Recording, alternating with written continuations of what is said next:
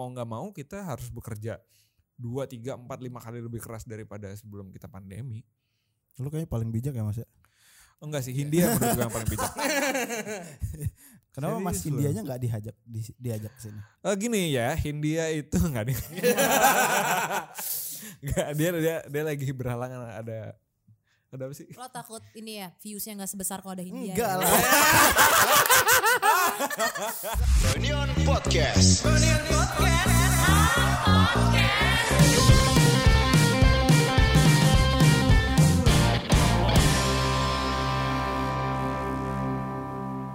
Yes, halo teman-teman, kembali lagi di Friend Podcast bersama saya Haris Franky Sianturi. Eh, di episode ke-67 ini gue kedatangan musisi-musisi dari penyihir-penyihir yang suka berlomba nih. Di sini ada siapa aja coba perkenalkan Mas. Halo, gue Tama. Gue Udu. Gue Rehan. Kal- Kalian, oke, ini kan apa ya? Gue dari awal tuh banyak banget pertanyaan, cuman yang awal tuh ini dulu deh. Mumpung kalian belum banyak interview dan bosan menjawab ini, jadi awalnya tuh kenapa namanya lomba sihir? Oh bener. iya dong. Gimana Re? Se- Sebelum kalian bosan nih. Sebenarnya udah banyak interview cuman belum kau publish aja. Oke. Eh, lomba sihir tuh sebenarnya ini eh, dulu waktu kuliah si Baskara tuh pernah punya band yang sekali doang manggung namanya Lembaga Lomba Sihir Oke. gitu terus habis itu eh, pas kita lagi ngobrol eh nama bandnya apa ya gitu dia bilang oh lomba sihir aja mau nggak Ih lucu tuh lucu tuh gitu tapi ya filosofi di balik filosofi. Art- arti di baliknya adalah ya kayak kita mengibaratkan musik tuh kayak sihir gitu. Kayak lo Hmm. lo melakukan apa gitu di panggung atau lo tiba-tiba denger suara gitar yang nyeleneh gitu di satu lagu itu tuh kayak kayak sihir gitu. Semua ya apa yang nonton atau yang mendengarkan tuh eh fascinated gitu. Hmm. Akhirnya kita eh, come up dengan si sihir itu. Tapi kalau sihir tuh kan kesannya kan kayak wah ini black magic nih Witch, gitu. ya. Kayak wah ini dark banget nih gitu. Terus habis itu ya udah kita tambahin aja lomba. Eh lucu gitu loh. Oh lomba sihir tuh lucu ya. Maksudnya jadi sam- itu sama merefleksikan eh, kita di panggung juga gitu loh. Kita tuh kalau di panggung biasanya dari dari tahun berapa ya? Dari 2019 tuh emang di panggung kayak kita eh, apa do our things aja sendiri-sendiri, eh, have fun sendiri-sendiri ya, ya somehow jadi kayak lomba sihir beneran Jadi gitu. kayak fun. Eh, Ini gue cocok logi aja nih ya. Hmm. Kan katanya life isn't a competition kan katanya kalian. Itu Tapi kata itu kan Hindia. berlomba. Itu kan kata Hindia. Oh, itu Itu kan kata India boleh Beda kata ya? Iya, Beda ya? Beda. Beda dong. tapi Tapi, tapi dia ngomong sadness is Iya. not a Oh, competition. sadness. Bukan ya, live. tapi live, tapi sorry, bukan sorry. tapi bukan juga kita di di panggung kita berusaha jadi jago skill aku gitu. jago atau Wah. kayak gua outshine Tristan gitu enggak maksudnya Oke. tapi lebih kayak kita do our own things gitu yang kita sendiri juga menurut kita udah accomplish di levelnya kita sendiri ya akhirnya kita jadi satu unit yang Iya. menurut at least menurut kami kami fun sih manggungnya gitu loh nggak tahu buat yang pressure nonton sih kita gimana emang. Kita Iya. nggak pernah terpressure sih. Kayak pernah terpressure Tristan tuh lagi main tiba-tiba bagi-bagi makanan tuh nggak ada approval Iya. siapa-siapa kan. Nggak ada. Tiba-tiba dia Bawa bagi-bagi karibas. makanan aja kayak itu makanan kita di backstage tapi dia bagi-bagiin. Iya. Terus kayak ya macam-macam lah anak-anak pada suka ngelakuin halnya kayak Tama kan suka theatrical di panggung. Aduh. Banyak lah gitu. Bedanya sama yang satu lagi apa? Yang satu lagi tuh. Lagi sama apa? Hindia misalnya. Bedanya kan ini kalau gue lihat kan Hmm. band ini kan terbentuknya tuh yang WTF 2019 ya. Betul. Pengiringnya kan sama-sama aja nih. Betul. Kalau ditanya kenapa apa bedanya diferensiasi sama Hindia Beda sama list. Apanya? Beda song list pasti dong. Song iya dong. Ya bedanya. Temanya beda nggak? Tema di album ini Aduh kita beda. nggak nggak? bisa belum bisa bicara Nggak, banyak sih. Sebenarnya- Sebenarnya sih kalau di lagu pasti beda. Kenapa? Karena kalau Hindia itu ya tentang Baskara, Baskara Iya. dengan Oke. masalahnya gitu. Iya, iya, Tapi kalau lomba sihir itu tentang kami berenam. Iya. Makanya kita nyari benang merahnya apa ya yang kira-kira kita kami berenam tuh merasakan gitu. Oh, Jakarta. Kita lahir di Jakarta. Kita might as well bikin sesuatu yang memang kita relate berenam gitu. Iya. Itu dari song list. Tapi tapi emang kita tuh lomba sihir tuh memang satu unit gitu. Hmm. Eh, kebetulan kami pertama kali dikenalnya oleh publik adalah eh, backing Hindia. bandnya Hindia. Tapi banyak orang juga nggak tahu kalau gua sebagai Rehan Nur main solo, backing bandnya lomba sihir juga. Iya, betul. Jadi gitu. Jadi Ah, jadi kayak kita tuh emang satu kita tuh satu unit yang emang em, support satu sama lain aja gitu. Hindia itu part of lomba sihir, gua part of lomba sihir. Suatu saat Tama mau bikin solo, mungkin jadi. backing bandnya juga lomba sihir gitu. Hmm. Emang itu mungkin konsep yang masih terlalu Jarang di terlalu- sini ya. Mungkin asing ya, Ha, karena nggak mungkin nggak ada yang kayak gitu di sini gitu. Cuman ya lomba sihir itu adalah satu unit yang kami juga bisa berjalan sendiri-sendiri dengan project kami masing-masing gitu. Ya karena setahu gue kalian semua tuh ada project masing-masing juga kan lo ada Martials, Betul. ada kelas kaca sama lo, terus Mungkin Udu kalau nggak salah pernah di? Matar Hello gitu-gitu kan gue Iya, betul. Mungkin kalau ibaratnya tuh lomba sihir tuh jadi living room di dalam Hmm, rumah. hmm. Tiap orang punya kamarnya masing-masing. Ah ya. Tuh, cuma kalau lagi pengen yang mantap. ya, ya gitu. Eh, album ini kan temanya Jakarta ya. Emang kalau gue kan perantau nih, gue kan nggak tahu nih dari dari outsiders kan gue datangnya. Emang menurut kalian Jakarta itu gimana sih? Satu kata deh. Ruwet. Kalau buat Udu apa? Jakarta. Eh, metropolitan. Obviously ya. Sorry yang gak menarik boleh gue ulang nggak? Menurut gue Jakarta tuh sibuk. Sibuk ya ya oke oke. Prof. Menurut gua cepat sih. Jakarta tuh cepat. Cepet sesuai Fast-paced. dengan ini dong ya proses pengerjaan album kalian ya. Yang cuma dua bulan. gitu. Alhamdulillah ya. Alhamdulillah. Cuma Alhamdulillah sebulan kita bahkan. cuma sebulan. Sebulan? Sebulan. Sebulan. sebulan. Oke. Kenapa bisa cepet? Apa karena banyak eh, orang-orang jago di dalam ini kayak bara suara misalnya? Gue sih merasa beruntung banget ya gue ada di dalam band yang orang-orangnya itu juga accomplish di bidangnya masing-masing gitu. Kami Mhm. emang bener-bener semua bisa nge-produce musik sendiri gitu. Hmm. Jadi selama satu bulan, oke gini kita bagi ya kayak satu bulan tuh setengahnya tuh kita habiskan buat eh, songwriting dan Songwriting. pre-production gitu. Dalam satu dalam satu base camp kita tuh kita bagi jadi tiga tempatnya. Hmm, Oke. Jadi ada tiga komputer. Jadi ada tiga komputer gitu. Nah itu kita back and forth aja. Itu setengah bulan tuh.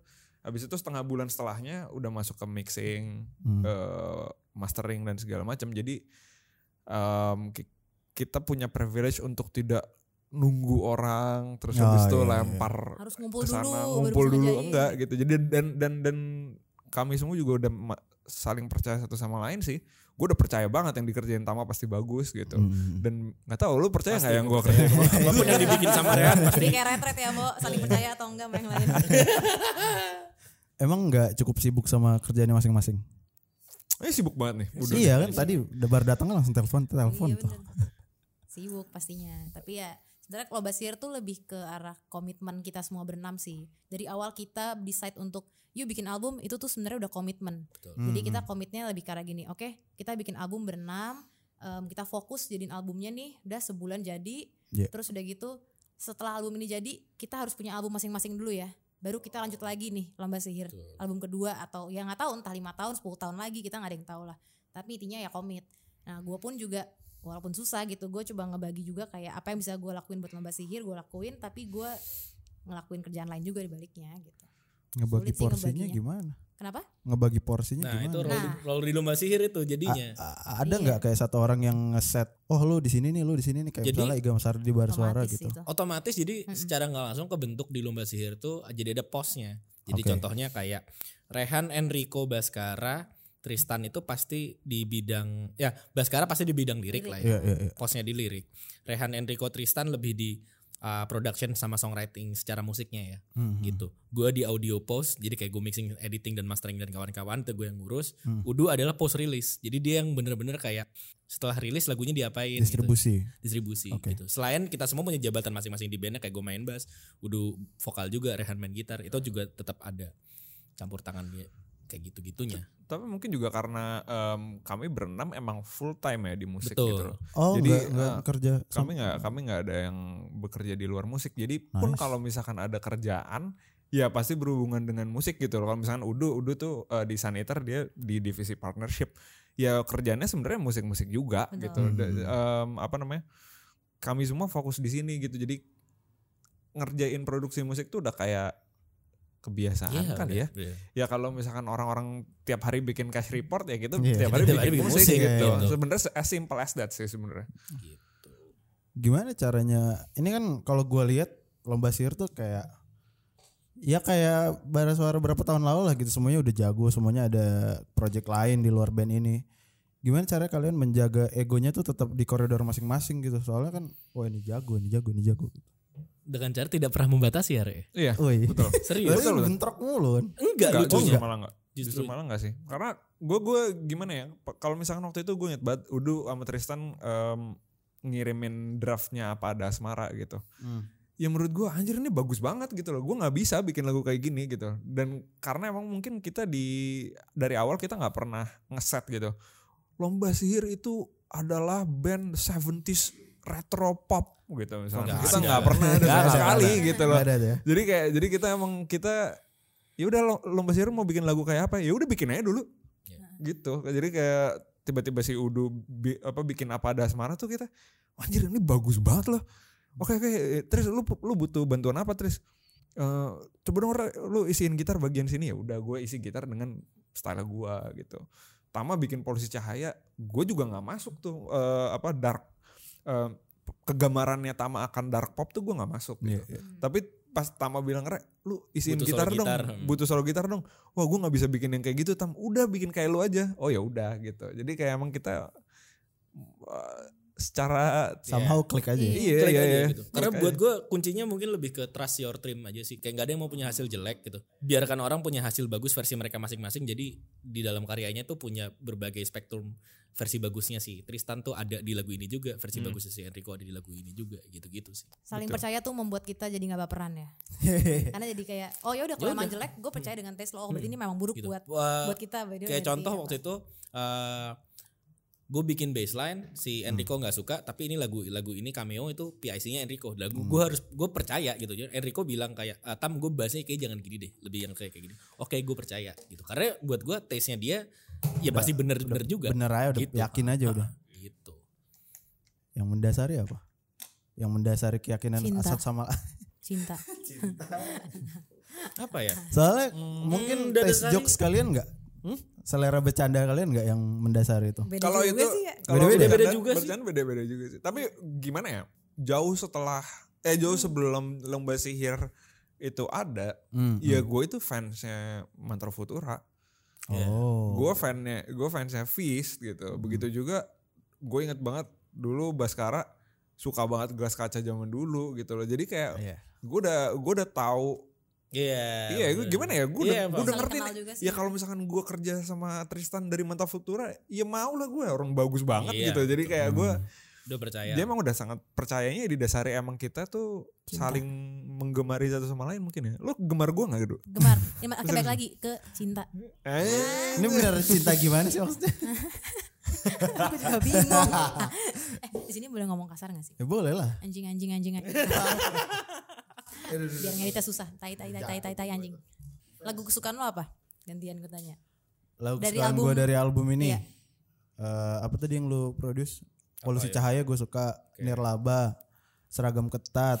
eh, hampir semua sih sebenarnya. iya iya iya. Yang Eh, paling gak masuk. yang paling gak masuk. Yang kayak disco-disco itu yang mana sih? Ya mau gimana? Ya mau gimana? Terus oh diskonya gue kira Oh, disco. ajab aja disconya itu Iya. kayak terus yang agak yang pas Tristan nyanyi itu lagu apa ya? Cameo. Cameo. Cameo juga kurang Oh dia double kill banget karena pertama yang mau gimana dia produsernya. Cameo dia yang nyanyi. double kill. no hard feelings bro. Enggak. Aduh gak di videoin Cuman lagi. Kenceng aja. Ya, kenceng. jadi dia kalau dengerin ini pasti dia langsung nyamperin kita kayak eh, bos re emang gue jelek ya Iya Sampai iya itu iya. iya. Dia langsung ngejabri gue biasanya. Iya iya. Enggak langsung jelek mas. Apa bedanya em, pas bikin album sebelum pandemi sama lagi pandemi ini? Ada nggak lagu yang dipengaruhi sama situasi ini? semua lagu sih semua Semua lagu ya? semua lagu jadi sebenarnya album ini kan kejadiannya gara-gara pandemi Ah, ah, ah. sebenarnya karena pun pada waktu itu banyak jadwal tour yang ke cancel gitu. Mhm. akhirnya kita kayak yuk bikin album aja yuk gitu daripada nggak ngapa-ngapain gitu bisa Dan diem banget ya Hmm, anak terus akhirnya beberapa kali kami brainstorm akhirnya ketemu kayak kenapa intinya ngomongin Jakarta tuh gara-gara sebelumnya kayak kita pengen apa sih yang kita kangenin dari sesuatu ketika sebelum ada pandemi akhirnya dari yaitu kota ini gitu dari Jakarta itu gitu jadi kalau ngomongin itu Iya, iya. Ngaruh tapi, banget ta- tapi sebenarnya kalau misalkan dari secara teknik eh, produksinya sih nggak terlalu Nggak. nggak terlalu banyak beda ya Hmm, hmm. tapi gue yakin kalau kita masih tour secara konstan gue yakin nggak ada Nah, waktunya nggak ada waktu ya buat ngerjain nggak ada waktu Iya. nggak ada waktu yang ngerjain ini dan em, somehow ini kita nggak manggung dan segala macamnya kayak blessing in disguise aja gitu ternyata kita bisa uh, dedicate satu bulan penuh untuk produksi musik gitu tapi kalau tekniknya teknik produksinya sih sama-sama aja ya kita di studio meramu dan meracik Meramu. dan bla bla bla gitu lah. Berarti enggak ini ya, eh, pertanyaan pertama dulu deh. Ada bedanya enggak set- pas setelah pandemi sama eh sebelum pandemi sama pas lagi pandemi bikin albumnya? pada akhirnya enggak Oh ya? Ka- pa- karena karena gini kalau misalkan di awal-awal pandemi kan kita masih kaget ya dengan keadaan gitu loh Iya. kayak kita wah mau keluar rumah 100 meter aja gue takut banget gitu loh tapi Mhm. karena emang sekarang kan eh, wabah ini sudah di sudah diketahui lebih banyak secara saintifik gitu kan. Jadi oh karakteristiknya gimana sih gitu. Terus habis itu penyebarannya gimana cara lo menanggulanginya gimana. Jadi kitanya pun juga beradaptasi. Oke kalau misalkan gue mau kerja keluar rumah caranya begini gitu. Hmm, hmm, hmm. dan kebetulan emang kami berenam tuh ya emang satu social bubble. Ya Iya, kita nggak kita nggak ke mana-mana. Emang kita orangnya itu itu aja. Jadi kita juga merasa merasa safe ada di satu base, base camp gitu Si- Siapa yang menggagas duluan untuk bikin album ini? Kayaknya bareng-bareng sih Bareng bagus. sih. Itu Emang sadaran aja ya, oh, bikin gitu. Lebih karena kayak ya akhirnya kayak bingung mau ngapain gatur bikin album aja lah iseng gitu. Enggak ada kayak terlalu terburu-buru enggak sih itu sebenarnya? Awalnya itu yang gue takutin tapi pas seiring berjalannya waktu bahkan gimana ya dibilang buru-buru enggak tapi juga sih. terburu-buru apanya nih Eh, dalam proses waktunya. Enggak. enggak sih Kan kalau kalau kalau gue nih di pandangan orang awam nih ya musisi itu kan kayak ya dia ke gunung dulu, ke laut dulu, dapat inspirasi baru masuk dapur gitu. ya itu one way of making an art Iya, itu ini itu salah satu cara. gua. ya menurut gua menurut gua itu one way of making an, an art gitu Iya, iya, tapi tapi juga eh, jujur mendedikasikan satu bulan penuh untuk produksi album itu juga teknik yang baru juga buat kita Hmm, hmm. kita sama sekali belum pernah seperti itu biasanya kita kalau misalkan bikin album atau bikin eh, lagu tuh sporadis aja ya sporadis kan. sporadis artinya apa sih kak? Iya, Iya, Nyebar, sporadis nyebar. maksudnya nyebar aja gitu ya kalau misalkan gue lagi ada keren.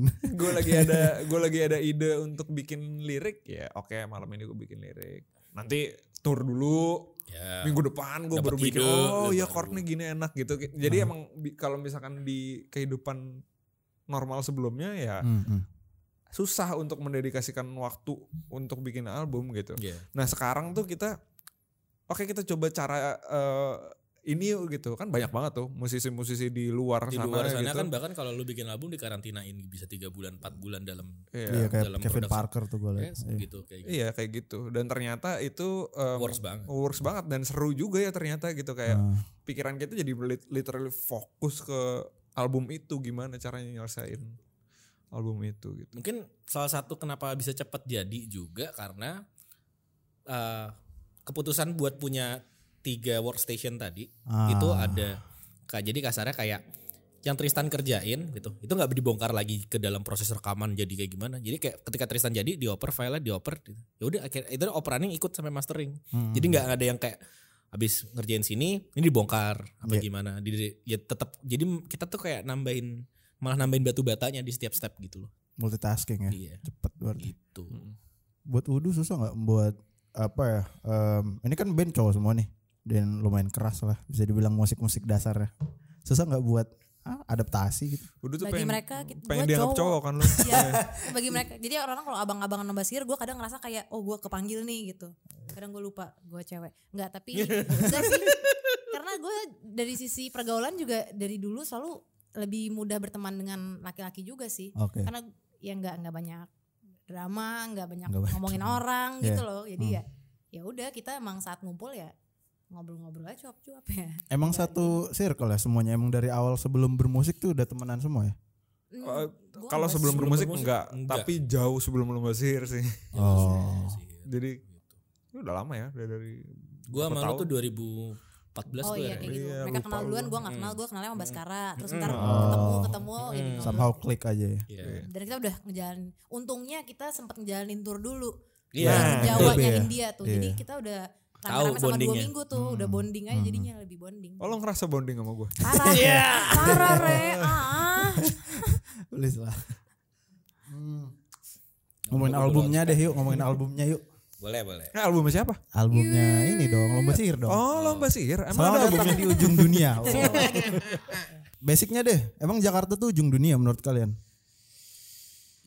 Buat kami sih iya. Kenapa? Jadi kayak kalau mau dibilang kenapa ujung dunia kayak Hmm. gue ngerasain jadi ah lo bilang lo ngerantau gitu. Ya, Sama kayak bokap gue pernah cerita kayak ya zaman dulu tuh Indonesian Dreams kalau Amerika punya American Oh, iya, Dreams, iya, Indonesian Dreams itu kita pindah ke Jakarta gitu. Hmm, gitu. hmm, Ya, ini adalah ujung dari Indonesia gitu. Ujung cita-cita oke. orang Indo gitu misalnya. Hmm. Terus kenapa jadi ujung dunia kayak ini kita mentok nih. Ya. Gitu. Udah di ini. tapi sebenarnya bukan dibilang kita punya direct flight ke apa namanya? ke banyak kota-kota besar di dunia gitu. gitu. Tapi juga di sini kesenjangannya hancur juga Iya sih benar. gitu. Dibilang end of the world ya mungkin bentar lagi end of the world gitu. Wow. Itu di sini gitu bisa. Iya. Eh kan Iya, kita nggak ada iya. yang tahu ternyata di setelah ada riset yang bilang ini kota ini akan tenggelam dalam berapa tahun, ada yang bilang nanti apalah inilah ada bencana apalah ini. Jadi Ah. buat gue kayak ya, Ya, kita of the world, kita, ya, kita selalu kita selalu sering berdiskusi kayak gini. em, Jakarta tuh kayak dekat dan jauh at the same time. Gini, gua gua Yeah. gua elaborate. Jadi kayak semuanya segala yang lo ingin capai gitu di Indonesia itu secara geografis dekat banget di sini. Lu mau lu mau apa? Lu mau casting PH di sini bejibun Ya, ya. kalau lu mau ma- mau jadi band reguleran kafe Banyak banget. satu kilo juga ada kafe lagi gitu. Betul, betul. cuman jauh at the same time kayak chance lu tuh dikit banget. Ini Hmm. ini padet banget nih kota gitu loh. Kayak eh, dan dan faktornya banyak. Eh, duit lu cukup nggak? Ya. eh, koneksi lu banyak nggak? Segala macem. Jadi kayak paradoks gitu loh Jakarta tuh kayak ini dekat dan jauh at the same time. Em, tapi ujung dunia itu menurut gua buat orang bisa beda-beda Mm-mm. ya gitu jadi kayak eh, buat kami yang menulis album ini yang emang menulis kita tulis untuk kami sendiri ujung dunia kami itu Jakarta tapi bisa jadi eh, buat orang let's say eh, di Ternate gitu misalkan Hmm, hmm. kalau hidup mereka udah heavy banget di Ternate ya ujung dunia mereka tuh Ternate gitu. Jadi sebenarnya emang eh, tergantung orang yang masing-masing gitu loh. Kami kami menulis album ini itu pada pada essence-nya adalah tentang tempat tinggal kami gitu. Oke. Tapi nggak nggak spesifik banget Jakarta gitu. Hmm, hmm, hmm. Jadi ini sebenarnya album tentang ting- tempat tinggal kami gitu. Bingung gak lu Frank? Coba lu recap. Bingung kan lu? Jadi gini, nggak lumayan sih. Kalau buat Udo deh, kenapa Jakarta menurut menurut lu Jakarta ujung dunia nggak? Iya juga sih. Eh tapi tapi sorry deh, Kenapa? gue bilang artworknya bagus banget udah itu dong. Oh, ya silakan ya. Kalau gue jawaban gue sama sih kayak Tama dan Rehan gitu. Hmm, hmm, hmm. Ya bagi gue ujung dunia karena kayak tadi yang Rehan bilang copy paste. Oh. Ntar gue gue udah expect lu jawab panjang Iya, loh. kan gini nanti kepanjangan. Oh, ya kan? iya. Ntar Oh, iya. omongan gue di-cut juga sama aja. Mendingan gue gue sama sih kayak Rehan stop ganti topik, ya kan? Persis ya. Selalu deh. bebas So, kalau kalau gue lihat sih ujung dunia tuh kayak berarti ujung jurang tuh ya. Either lu make it kalau berhasil lu terbang, kalau gagal lu jatuh mati gitu. balik lagi interpretasi masing-masing aja kita Oh, nggak itu pernah gua. kita nggak pernah Iya, Tapi bebas oh, banget gitu hmm.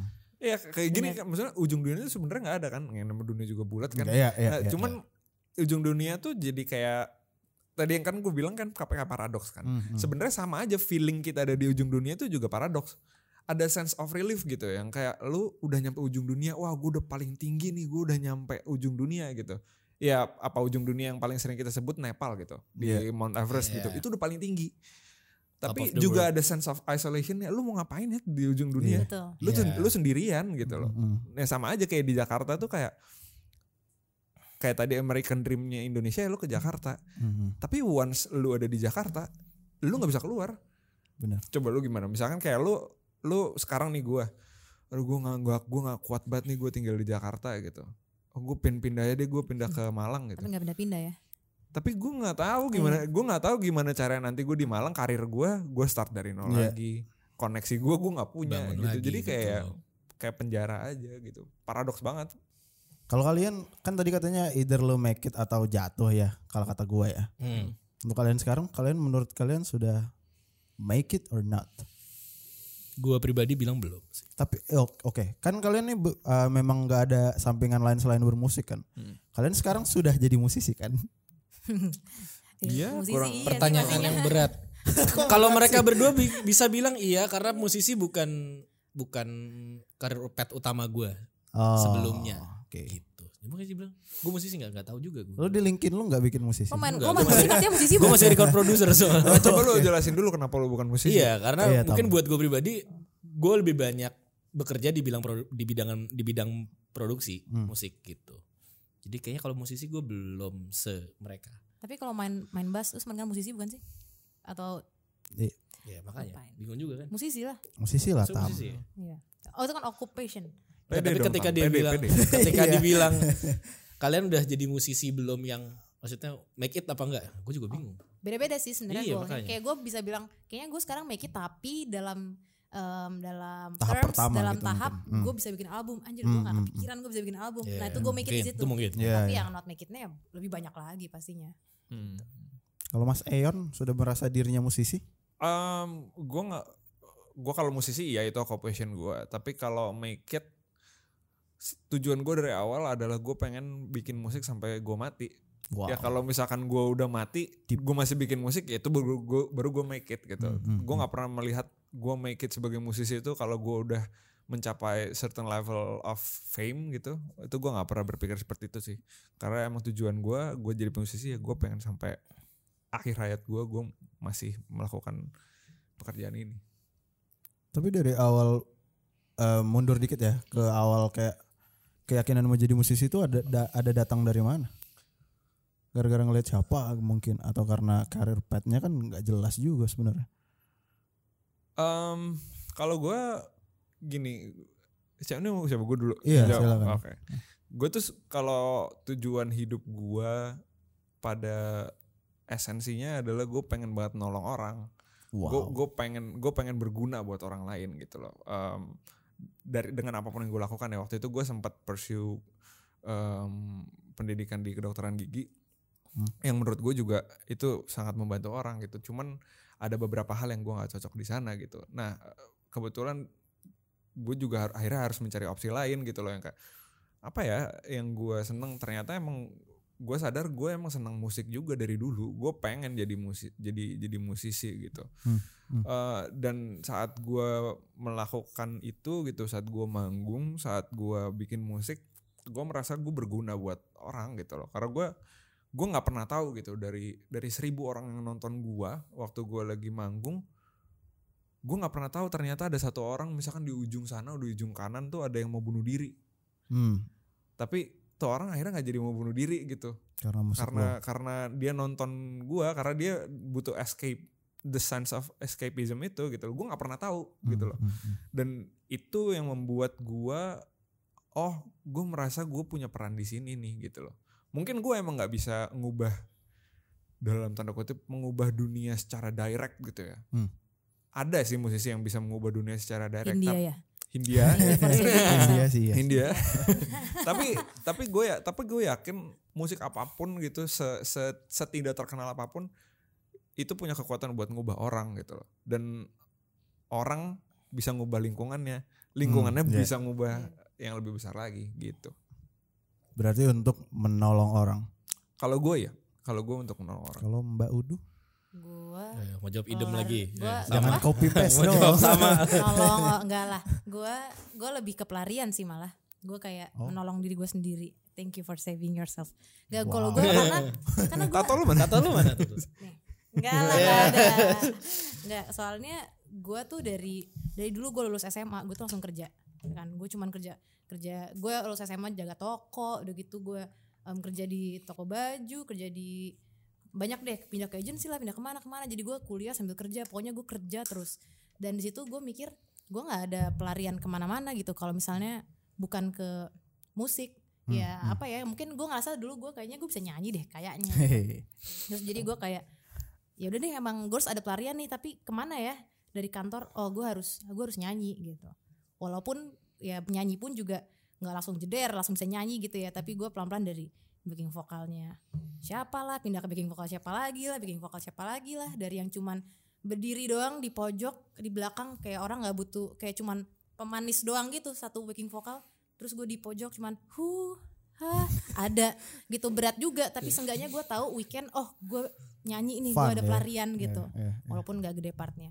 Itu sih kalau gue lebih ke arah situ. Tapi yang menginspirasi gue musik kalau Hmm. tadi mungkin Rehan menginspirasi apa karena dia pengen nolong orang gue selain eh, buat nolongin diri sendiri gue juga ini sih eh, mungkin tadi orang yang lo bilang ngeliat langsung terselamatkan tuh kayak gue ngeliat em, Hayley Williams di Paramore ya.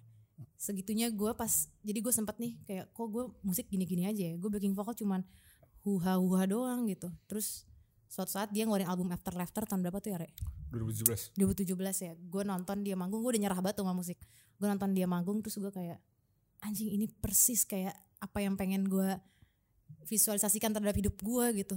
Dan dia tuh bisa bikin kayak gue ngerasa enggak sih gue ada harapan sih jadi Hmm, musisi hmm, gue ada sih dan dari situ gue akhirnya udah deh gue harus mulai dari somewhere nih. Dan dari situ tuh hidup gue terus mulai berubah cara pikir gue berubah gitu. Thank you Hailey Williams for saving me. Iya. Keren watch this. if you're Keren watching banget. this eh, jauh tuh For saving me. Ya mungkin sekarang ada beberapa cewek atau cowok yang ngeliat lo, aduh gue pengen jadi udu nih beberapa tahun lagi. ya semoga gue bisa membuat orang menjadi tertolong juga kayak Rehan nolongin orang Amin. Gila berat banget ini tiba-tiba. tahu deh Nangis dong, nangis dong, nangis dong, nangis dong, nangis, nangis. Tiba-tiba berat ya. Oke. Eh, udah, udah bisa nangis sih. Gak, gak, jangan lagi, lagi pakai eyeliner Oh. Terluntur. lentur Luntur. Bang Tama dong. Gimana tuh buang? Iya. Gimana tuh bang? Gimana itu buang Ya, ya? ya Iya. gitu bang, gimana? Apa ya? Apa yang meyakinkan gue musik deh udah deh. Kayak gue gak bisa yang lain. Kalau kalau siapa? Kalau Dias kan katanya tadinya mau jadi pemain bola tuh, terus gagal. Ya kegagalan hidup gue juga banyak kayaknya. Woi, Kayaknya yang yang akhirnya gue coba dan lumayan jalan ini doang. oh gitu? Kayaknya sih. Iya beneran serius serius. Oh ya? Apa pencapaian yang lu dapat dari musik sehingga akhirnya gue di sini deh gitu? Mungkin Dari gelas kaca back tuh. in the day 2008 tuh Hmm, hmm. SMP gue sering cabut sekolah ke studio musik gara-gara gue nggak suka di sekolah. Keren ya standar Iya, iya, gitu. Ya terus pas di studio musik gue nongkrong sama abang-abangannya nontonin orang recording timbul minat sih gitu buat into sama dunia produksi musik gitu. Sampai akhirnya gue SMA sering banget cabut sekolah buat jadi operator recording. Idi. Gitu. Ya, Ber- berarti lo awalnya dari ini dulu ya, dari orang di belakang layar dulu ya, bukannya langsung main apa tadi? di- Iya ngeband ngeband tetap, cuma Ah. maksud gue gue lebih eh, apa ya bahasanya? Gue ngerasa forte gue tuh lebih di lebih di dunia produksinya sih. Forte itu apa kak? Ah, iya. Forte tuh apa yang lebih kuat sih? Gue lebih kuat di bidang Apa? Sporadis forte oke oke oke oke oke udah dapet Habis gue bingung nih nyobain apaan. Gue dulu mau kuliah. Apa gue ngambil les akuntansi tetap aja nggak ngaruh. Les ini nggak ngaruh, nggak ngaruh. Kayak ini doang nih gue bisa. Jadi udah Ya musik udah, aja deh. Ya gitu. udahlah gitu. Orang tua nggak nggak Ya pasti pasti pasti nggak setuju di Iya, awal ya. Gitu. Sampai suatu ketika ya terjadi perdebatan lah gitu. Akhirnya gue ngerasa kayak ngapain gue ujung-ujung gue ngantor duit gue juga paling habis buat gitar. semua sama gitu. Orang tuanya nggak ada yang langsung. Eh latar belakang orang tua kalian ada yang dari musik gak sih? Nggak Atau ada. seni? Nggak ada. Dan gue how? punya uh, relation sama sama seniman ada tapi nggak direct dari keluarga inti. Terus gimana caranya bisa ya udah bermusik deh. Gue aja mau jadi fotografer dimarahin. Ya nilai gue gue hancurin SMA. Jadi gue jalan gue tinggal bisa itu doang. Ini gue paling bagus di sini. Iya pokoknya gue nggak mau masuk kelas. Pokoknya nilai gue cuma tuntas hampir nggak naik kelas tiga kali. Ya udah. Serius gue ranking gue gue ranking 41 dari 42 murid. Gitu. Serius gitu. Enggak, gue serius, gue, gue Eh, serius. gitu. di, digoblok-goblokin kan? Tapi karena emang Aja, digoblok-goblok. dia pengen ke musik Karena gue gak pengen ngapain lagi gitu gue tuh. Gue sih ya to be fair gitu maksud gue gue sekolah ya elah kayak ngapain gue belajar alkuna, alkina gitu, alkana gitu. Iya. Nyet gue gak mau jadi kimia, gak mau jadi orang kimia gitu. Sementara gue Gue beberapa mau jadi kali- kimiawi gitu. Gak bisa kimiawi, gak hampir gagal tuh.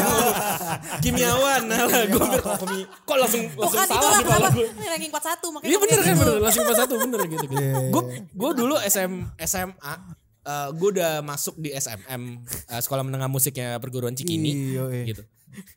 Udah tinggal masuk nih di cancel sama bokap gue. Wah. Ayah nggak yakin kamu main musik. Wah. Udah daftar, udah dibayar. Ah. Kesel nggak lo? Ya marah Gitu. sih. Gara-gara gue masuk di eh, nama gue nyangkut di SMA. negeri. Ah. Yang Dan terus gue disidang juga. sama iya, gue disidang sama guru gitu. Kamu yakin mau jadi musisi di umur segini? Gak ada duitnya, gak Pada ada saat itu ininya. umur berapa? 16. Oh, wow. Gitu. Ya wajar sih orang tua mempertanyakan. Ya 15 16 lah. Tapi gue buat gue kayak lo tau apa sih soal hidup gue kepada guru-guru gue. Oke. Itu- dan itu sesuatu yang gue masih gue gak, gue sesalkan sampai sekarang. Mereka gak pernah tahu siapa gue sebenarnya. Jadi Rebel lu ya. Ya gue lebih lebih ke menggoblok-goblokin aja sih apa ya kayak gue ya beneran PR nggak ada yang gue kerjain. Dengan sukarela gue nggak pengen kerjain dan gue ayo dong gue please gue nggak naik. Do ke do gitu Nah, Ini orang emang beyond sih menurut gue. Ih, gue nggak mau Taktis lu, taktis, taktis itu ngapain namanya. gitu ya lu SMA bayar nih sekolah gitu. Gue cabut ke studio udah dapet duit. Hmm, dibayar lagi ngerekamin orang. Seneng lagi gue ya ngapain mending itu aja udah ya. gue nggak berani ngomong gue takut diserang di internet kayak Tapi ini berani banget ya. serius serius Anjing, anjing. Kalau kalau anak lu mau jadi musisi bolehin. boleh boleh boleh aja Keren. mau jadi apa juga terserah Keren. kalau gue punya anak jadi jadi lebih jauh lagi. Be- Beda-beda sih cara meyakinkan orang. iya kalau Mas Eon kan kalau gue lihat ya kan kedokteran tuh sudah jalur yang paling aman lah ya. Hmm, Di, di mata di mata orang tua kita gitu loh. Angkatan orang tua kita. Iya itu mitos sih sebenarnya. Uh, tapi mitos tapi tuh ya. itu mitos itu mitos.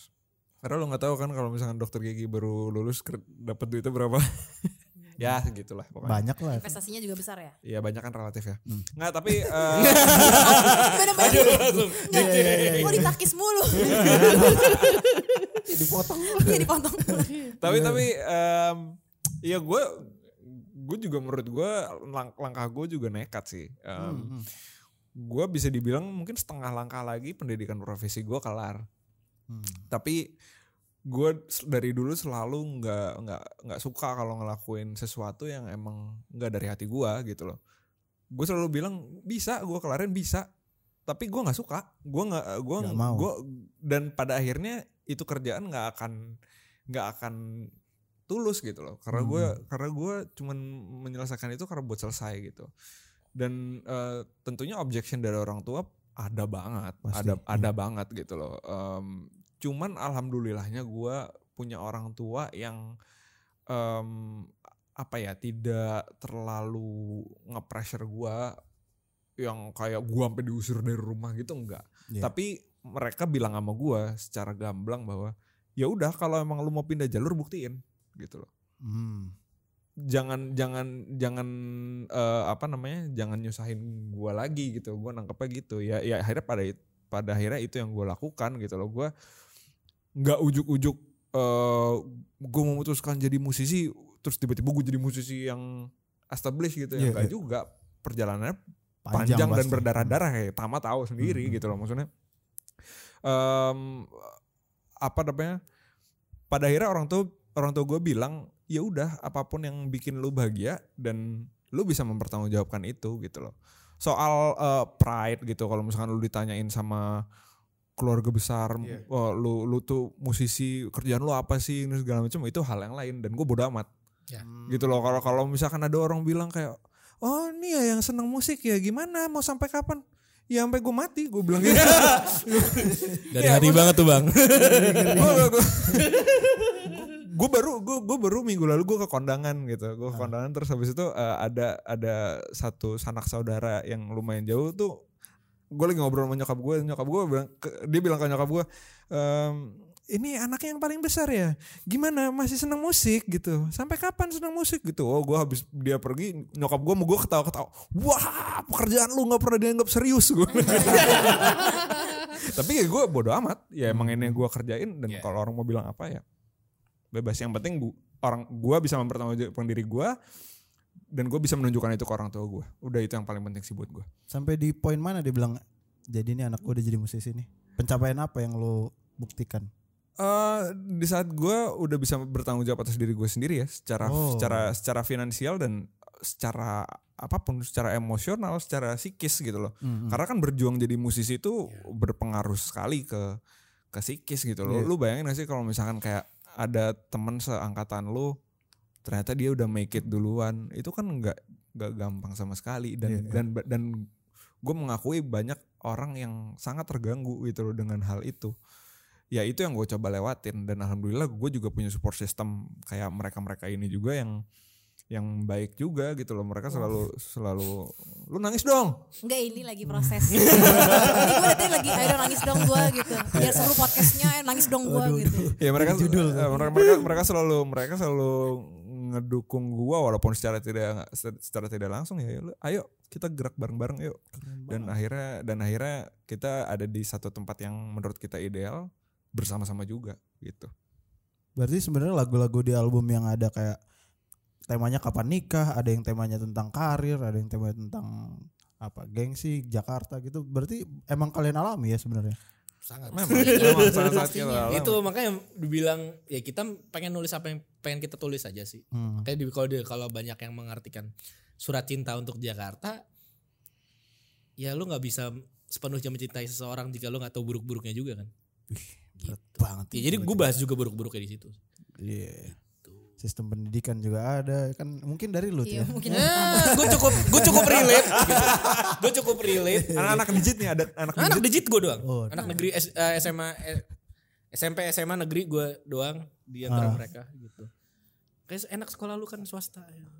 Iya, iya jadi lempar-lempar tapi iya sih emang emang itu semua kita alamin gitu ya kayak udah nyari pacar di dating app gue nggak dating Emang app di iya? kampus di kampus. ketemu oh lu lu basis nggak itu. di dating app Enggak, oh di, kampus dating app malah. oh Keburu punya pacar duluan pas dating app Oh, lagi iya. tapi banyak kan pacar waktu itu banyak banyak Iya kan? Off the record aja. Love you Dan Awan. sama musisi itu kan berarti.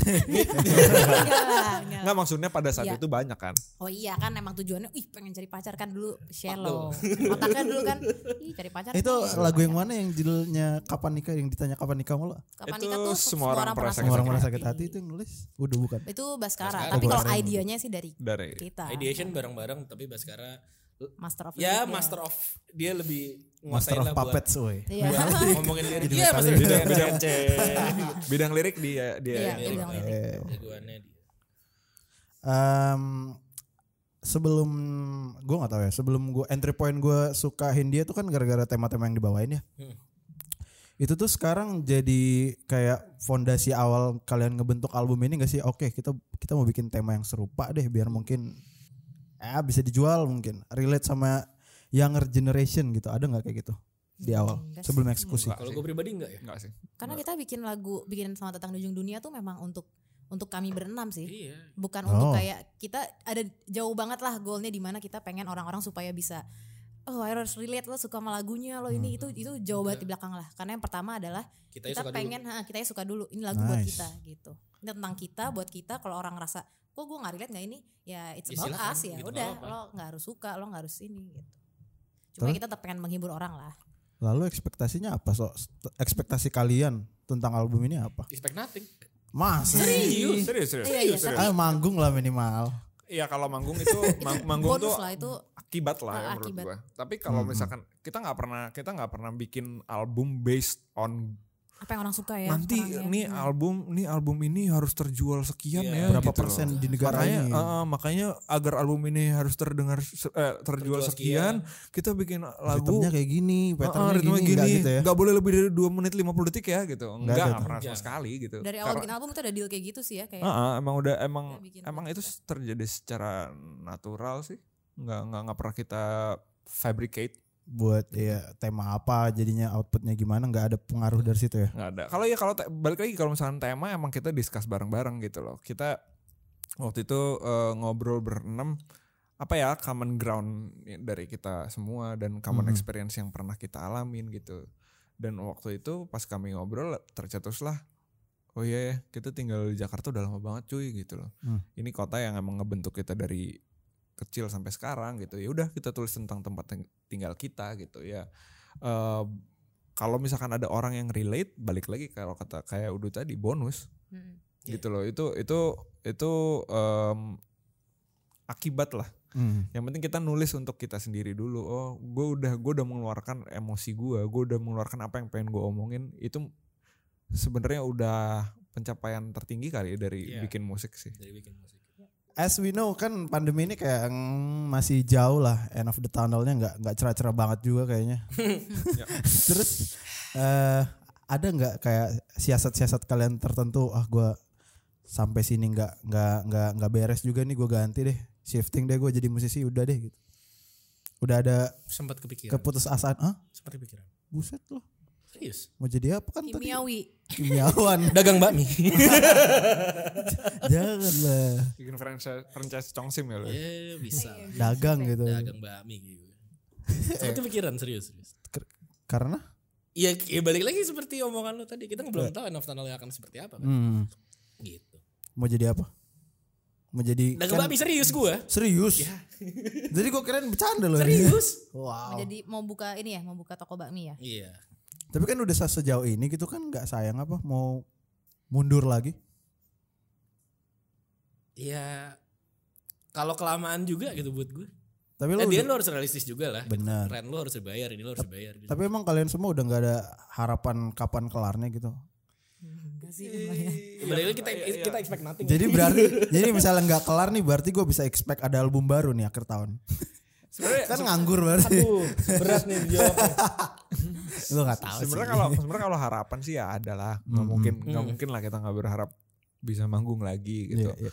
Tapi kata-kata yang penting untuk diilhami dan diterapkan ya adalah adaptasi. Ya mau nggak mau kita gitu dan industri mana pun ya, bukan Mhm. cuman musik, cu- Iya. pasti beradaptasi dengan keadaan ini gitu loh. Ya salah satunya menurut gua bentuk adaptasi kami adalah dengan bikin album Hmm. gitu ya. Kita mau kita kalau misalkan kita nggak manggung nggak ngapa-ngapain ya kreativitas kita nggak kepake dan nggak nggak keasah gitu loh. Ya pada akhirnya kita bikin album yang yang eh, akibatnya pun ada eh, efek ekonominya juga ya mungkin kita Nice, dapat pendapatan dari sana juga ya walaupun walaupun mungkin kalau dihitung-hitung nggak sebanyak. Kalau sebelum pandemi. pandemi Iya, iya. tapi ya balik lagi adaptasi cuy gitu loh Hmm. dan kita dan mau nggak mau kita harus bekerja dua tiga empat lima kali lebih keras daripada sebelum kita pandemi gitu sih Lu kayaknya paling bijak ya Mas ya. enggak sih Hindia menurut gue yang paling bijak Kenapa Mas Serius loh. Indianya nggak diajak di- diajak ke sini? Eh, gini ya Hindia itu enggak nih Enggak, dia dia dia lagi berhalangan ada ada apa sih Lo takut ini ya viewsnya nggak sebesar kalau ada Hindia. Enggak ya? lah. Kagak. Nanti kita push deh. Enggak, enggak, enggak. Enggak ini Enggak bercanda bercanda. ada kok nanti yang sama Hindia cuman ada brandnya. Cuman iya, jadi nggak bebas. Ini kan bebas gitu. Bahkan brand nggak mau tap in ke kita bertiga guys. belum, belum, belum susah ya? ngejual ini. Bercanda susah ya? gitu. Bercanda. Menuju akhir ini deh. eh kalian ada opini soal Purple Royalty nggak? Waduh Tentang royalty? Gue sih gue sih ngefollow dia di Twitter kemarin gue liat oh Mas Rehan nge-like tweet yang ini nih gitu. gue sempat baca. Royalty apa nih? Oh, Royalty royalty. Perpu yang dong, soal iya. Perpu royalty Purple royalty ya. Ya, itu kan seben, itu kan sebenarnya ini kalau gua nggak gua nggak bisa into details banget ya Iya, iya. sebenarnya kan pengumpulan royalti itu kan sudah berjalan sejak lama Iya, cuman sudah dari dulu. Cuman efektifnya di yang, mana ya? yang yang yang ini yang yang baru keluar ini ini kan sebenarnya memperkuat gitu loh, Hmm. memperkuat eh, sistem pengumpulan royalti ini gitu. Em, menurut gue yang ramai-ramai kemarin ini banyak sih faktor yang itu jadi bikin jadi rame ya. Iya. Salah satunya nih, ini gue nggak mau nggak mau mendiskreditkan sama sekali, tapi medianya juga lumayan, Iya, lumayan goreng, goreng, iya, sih, iya. gilanya sih itu. Jadi Hmm. em, ya pada akhirnya gue walaupun gue juga emosi awalnya pada akhirnya gue wajar gitu Hmm, orang-orang orang-orang pada banyak yang komennya salah tuh ya karena Nggak teredukasi.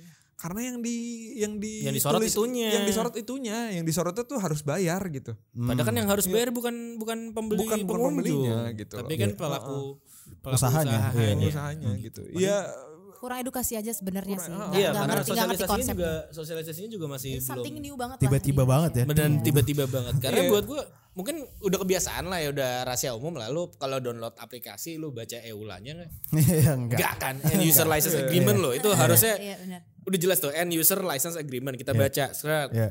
bahwa ketika lu pasang aplikasi streaming tertentu lu nggak boleh siarkan itu ke tempat umum Hmm, ada hmm, hmm, hmm. di dalam itunya tapi lo berdalih enggak tempat gue pakai di cafe gue pakai katakanlah pakai Spotify Deezer gitu Hmm, hmm. buat ngeplay kan emang harusnya bukan buat public address Buat Iya, pribadi ya. Gitu. buat pribadi gitu gitu Iya, iya, iya sebenarnya pada akhirnya kan eh, di, di diskusinya di Twitter kan jadi Mm-mm. melebar ke mana-mana. Iya, ya. iya. Gitu. Betul. Maksud gua ada lah yang sampai nge- ada yang nge-tweet balas tweet gua. jadi gimana nanti kalau misalkan gua kasih bintang 5 ke Grab karena orang yang nyetel musiknya bagus tuh orang harus bayar juga gitu. menurut, mereka. menurut gua, Kodong juga. menurut, nah, iya menurut gue menurut gue ini udah melebar banget Iya. gitu loh Em, apa em, memang banyak banget area yang belum kesentuh sama Iya. regulasi gitu loh Betul, ya. karena karena Indonesia tuh mungkin ketinggalan Iya, puluhan beberapa- tahun beberapa gitu loh, tahun. perihal royalti ini gitu cuman sebenarnya yang yang yang gua kenapa waktu itu gua nge-tweet kayak gitu adalah Mhm. supaya orang juga paham gitu loh bahwa kita tuh pedagang juga gitu Iya. loh Ya, Iya. tapi dagangan kita musik gitu loh betul. menurut gua menurut gua sangat wajar bahwa eh, kita eh, memperjuangkan eh, sistem untuk kita bisa mengumpulkan hak kita secara baik dan benar gitu loh. Mhm. Lu ya lu lu bayangin gak sih maksud gua or- orang orang di yang negara yang sistem royaltinya udah bener tuh musisi udah enak Ya, punya punya hak apa haknya udah mereka dapatkan dengan benar gitu loh. Kalau kita sekarang ya. mungkin di sini masih banyak banget area abu-abunya yang Iya. kita aduh gila ya kalau misalkan ini bener kita mungkin udah bisa bla bla Iya, bla bla iya, bla iya. gitu-gitu Jadi emang royal royal royalty ini eh, Masih masih gitu sih. Ren. jalan panjang. jalannya masih panjang, panjang. Iya, gitu kemarin gue balas-balasan tweet sama eh, siapa ya sama Karim Karim Karim, ya. Bab gitu kayak Subab. bos ini banyak ini panjang sini bos Panjang. jalannya nih gitu Tapi ya buat gue juga itu yang bikin kalau kita lihat band-band luar tuh bikin albumnya juga jarang-jarang Mhm. gitu. Dan mereka selalu bisa bikin karya yang bagus bagus bagus bagus ya karena mereka tahu kayak ya gue bikin lagu bagus ada returnsnya buat kita. Betul. Kalau gue nggak harus bikin album tiap tiga tahun, gue bisa misalnya kayak tiap lima tahun gue baru bikin album Mhm. gitu. Karena royaltinya juga jelas. Sementara kalau di sini kita bikin tiap album tiap tahun salah, diomongin, Ya, wah ini lo bakar duit mulu ah ini, itu kan tuh. Kemarin kemarin gue ngobrol sama Awan pacarnya temen gue Heeh. Gue. Padahal orangnya depan se- nih. sebenarnya ada sebenarnya ada ada pandangan dia yang menarik gini kayak ya ya ya wajar kalau di sini musisi itu harus jadi seleb baru dibilang sukses. Iya. Hmm, hmm, gitu loh. Itu karena karena ya anggapannya adalah kalau lu di TV duit lu ya dari lu manggung di TV apa segala macam segala macam. Padahal ya musisi sebenarnya bisa hidup dari produknya dia dari dagangannya dia seharusnya. Betul. Iya kan gitu loh. Jadi ya kalau misalkan di sini ada ny- nyinyiran yang kayak ah ini konten mulu nih ah di sini Ya udah nggak mikirin gitu bro. udah nggak mikirin nggak nggak mikirin musiknya nih ah ini udah terlalu komersil sell out segala macam ya gimana? Gitu loh Ada maksudnya. jawaban lain nggak? Merasakan tidak? we, we need to iya we need to make a living too bro gitu. Jadi ya gua sih berharapnya walaupun perjalanan masih panjang dengan ada perdebatan yang rame-rame ini perlahan dibangunlah kesadarannya gitu loh bahwa royal sistem pengumpulan royalti ini adalah hal yang sangat wajar Dan coy. umum Itu hak, dilakukan. itu Wajar lebih ke hak coy. Wah, iya, Iya, iya, musisi. hak. gue gue masih sampai sekarang kalau mikirin komen-komen netizen masih nggak habis pikir gitu. yang kayak ada yang ada yang ngomong eh, apa kemarin tuh? Ya. Kalian Oh, ya udah. gitu. Oh bukan bukan bukan. Eh, oh ya kalau kayak gitu eh, artisnya harus bayar juga dong karena kan dipromosin gratis. Kata gue, aduh. Ya masih jauh lah, masih harus diedukasi Di-share lah. ke stories maksudnya gitu. Buset. Iya maksudnya ya tapi gue juga nggak bisa menyalahkan Iya, Iya, Mereka karena itu ngerti. karena Iya. emang memang memang ini Bukan belum ranahnya dia Hmm. juga. satu bukan ranahnya dia dan emang soal royalti ini emang masih belum banyak orang yang Ya, Melek. melek. at least tahu surface-nya lah. Mm-mm. Karena sosialisasinya juga baru ya. Lumayan kan kayak tahun lalu yang kasusnya Mas Pongki sama Anji gitu kasusnya. Mereka juga ngomongin royalti itu juga rame. Hmm. Gitu-gitu. Yang buat gue sebenarnya ibarat kata eh, dari dulu udah ada undang-undangnya. Cuma Hmm. sekarang baru ada polisi yang jagain. Oke. Gitu. Maksudnya kayak dari dulu nih perempatan nih Hmm, hmm. gitu. Bu, belok kanan harusnya nggak pernah boleh. Iya. Cuma dari dulu nggak ada yang jaga. Jadi kayak rahasia umum lah kita boleh belok kanan. Tiba-tiba ada polisi di situ. Marah semua. Iya nggak bisa. Gitu. Sebenarnya perdebatan soal royalti ini awalnya dari ini ya waktu cover-cover itu ya. Yang waktu cover itu makanya Anji sama Mas Mongki kan. Oh itu aja. Iya, Oke. Anji sama Mas Mongki yang yang bahas Yang tentang- karena ada yang monetize di YouTube. karena yang ada monetas iya. di YouTube tanpa ini loh. Kan makanya itu kan juga sebenarnya logikanya kalau ada yang cover lomba sihir lah gitu misalnya gitu. Di Terus YouTube-nya di. YouTube-nya Ya. gitu. Dimonetize. Ya kita mungkin boleh-boleh aja kalau mereka bilang eh gue mau izin dong cover ini Hmm. ntar gue monetize ya. Oke sharingnya sekian ya Oke. gitu. Tapi juga sharingnya seberapa sih? Kayak bayar parkir paling harganya Iya. gitu nggak nggak gede juga gitu. Cuma kalau seribu orang yang kayak gitu kan lumayan gitu. Jadi artisnya juga ter- terpacu buat apa ya bahasanya bikin karya lain lagi gitu. Pun juga yang cover juga dapatnya fair juga. Jadi buat gue sama Ter- aja sih. terpacu dan ada resource-nya.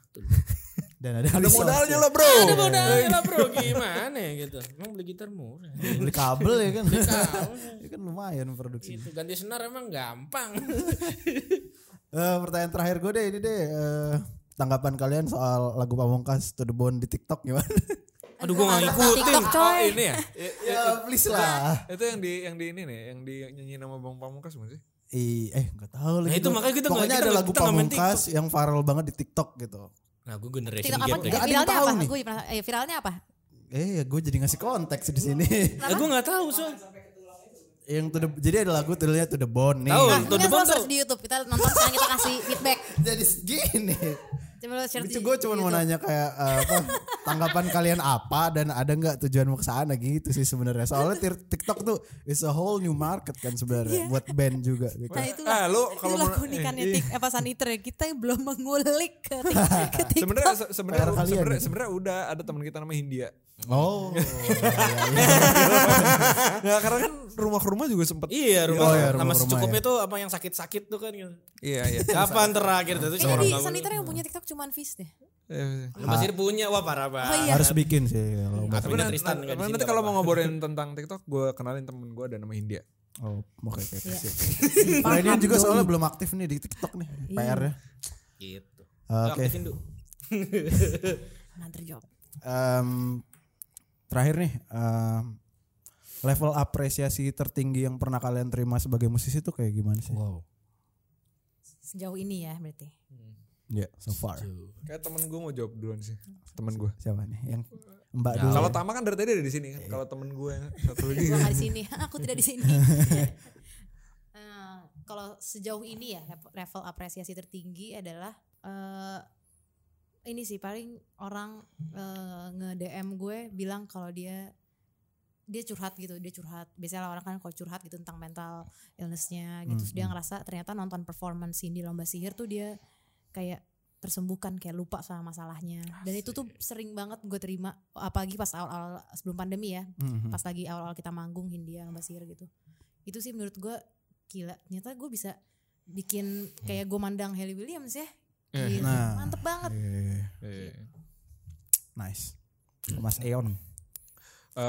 gue beberapa waktu yang lalu ada yang bilang ke lomba sihir dia bilang gini "Eh, gila ya gue bisa denger dari musik kalian kalian tuh bersenang-senang banget gitu itu kedengeran banget di musik itu menurut gue pujian yang tinggi banget karena em, di saat orang udah bisa ngelihat bahwa gue bersenang-senang di musik gue ya berarti gue senang Ya.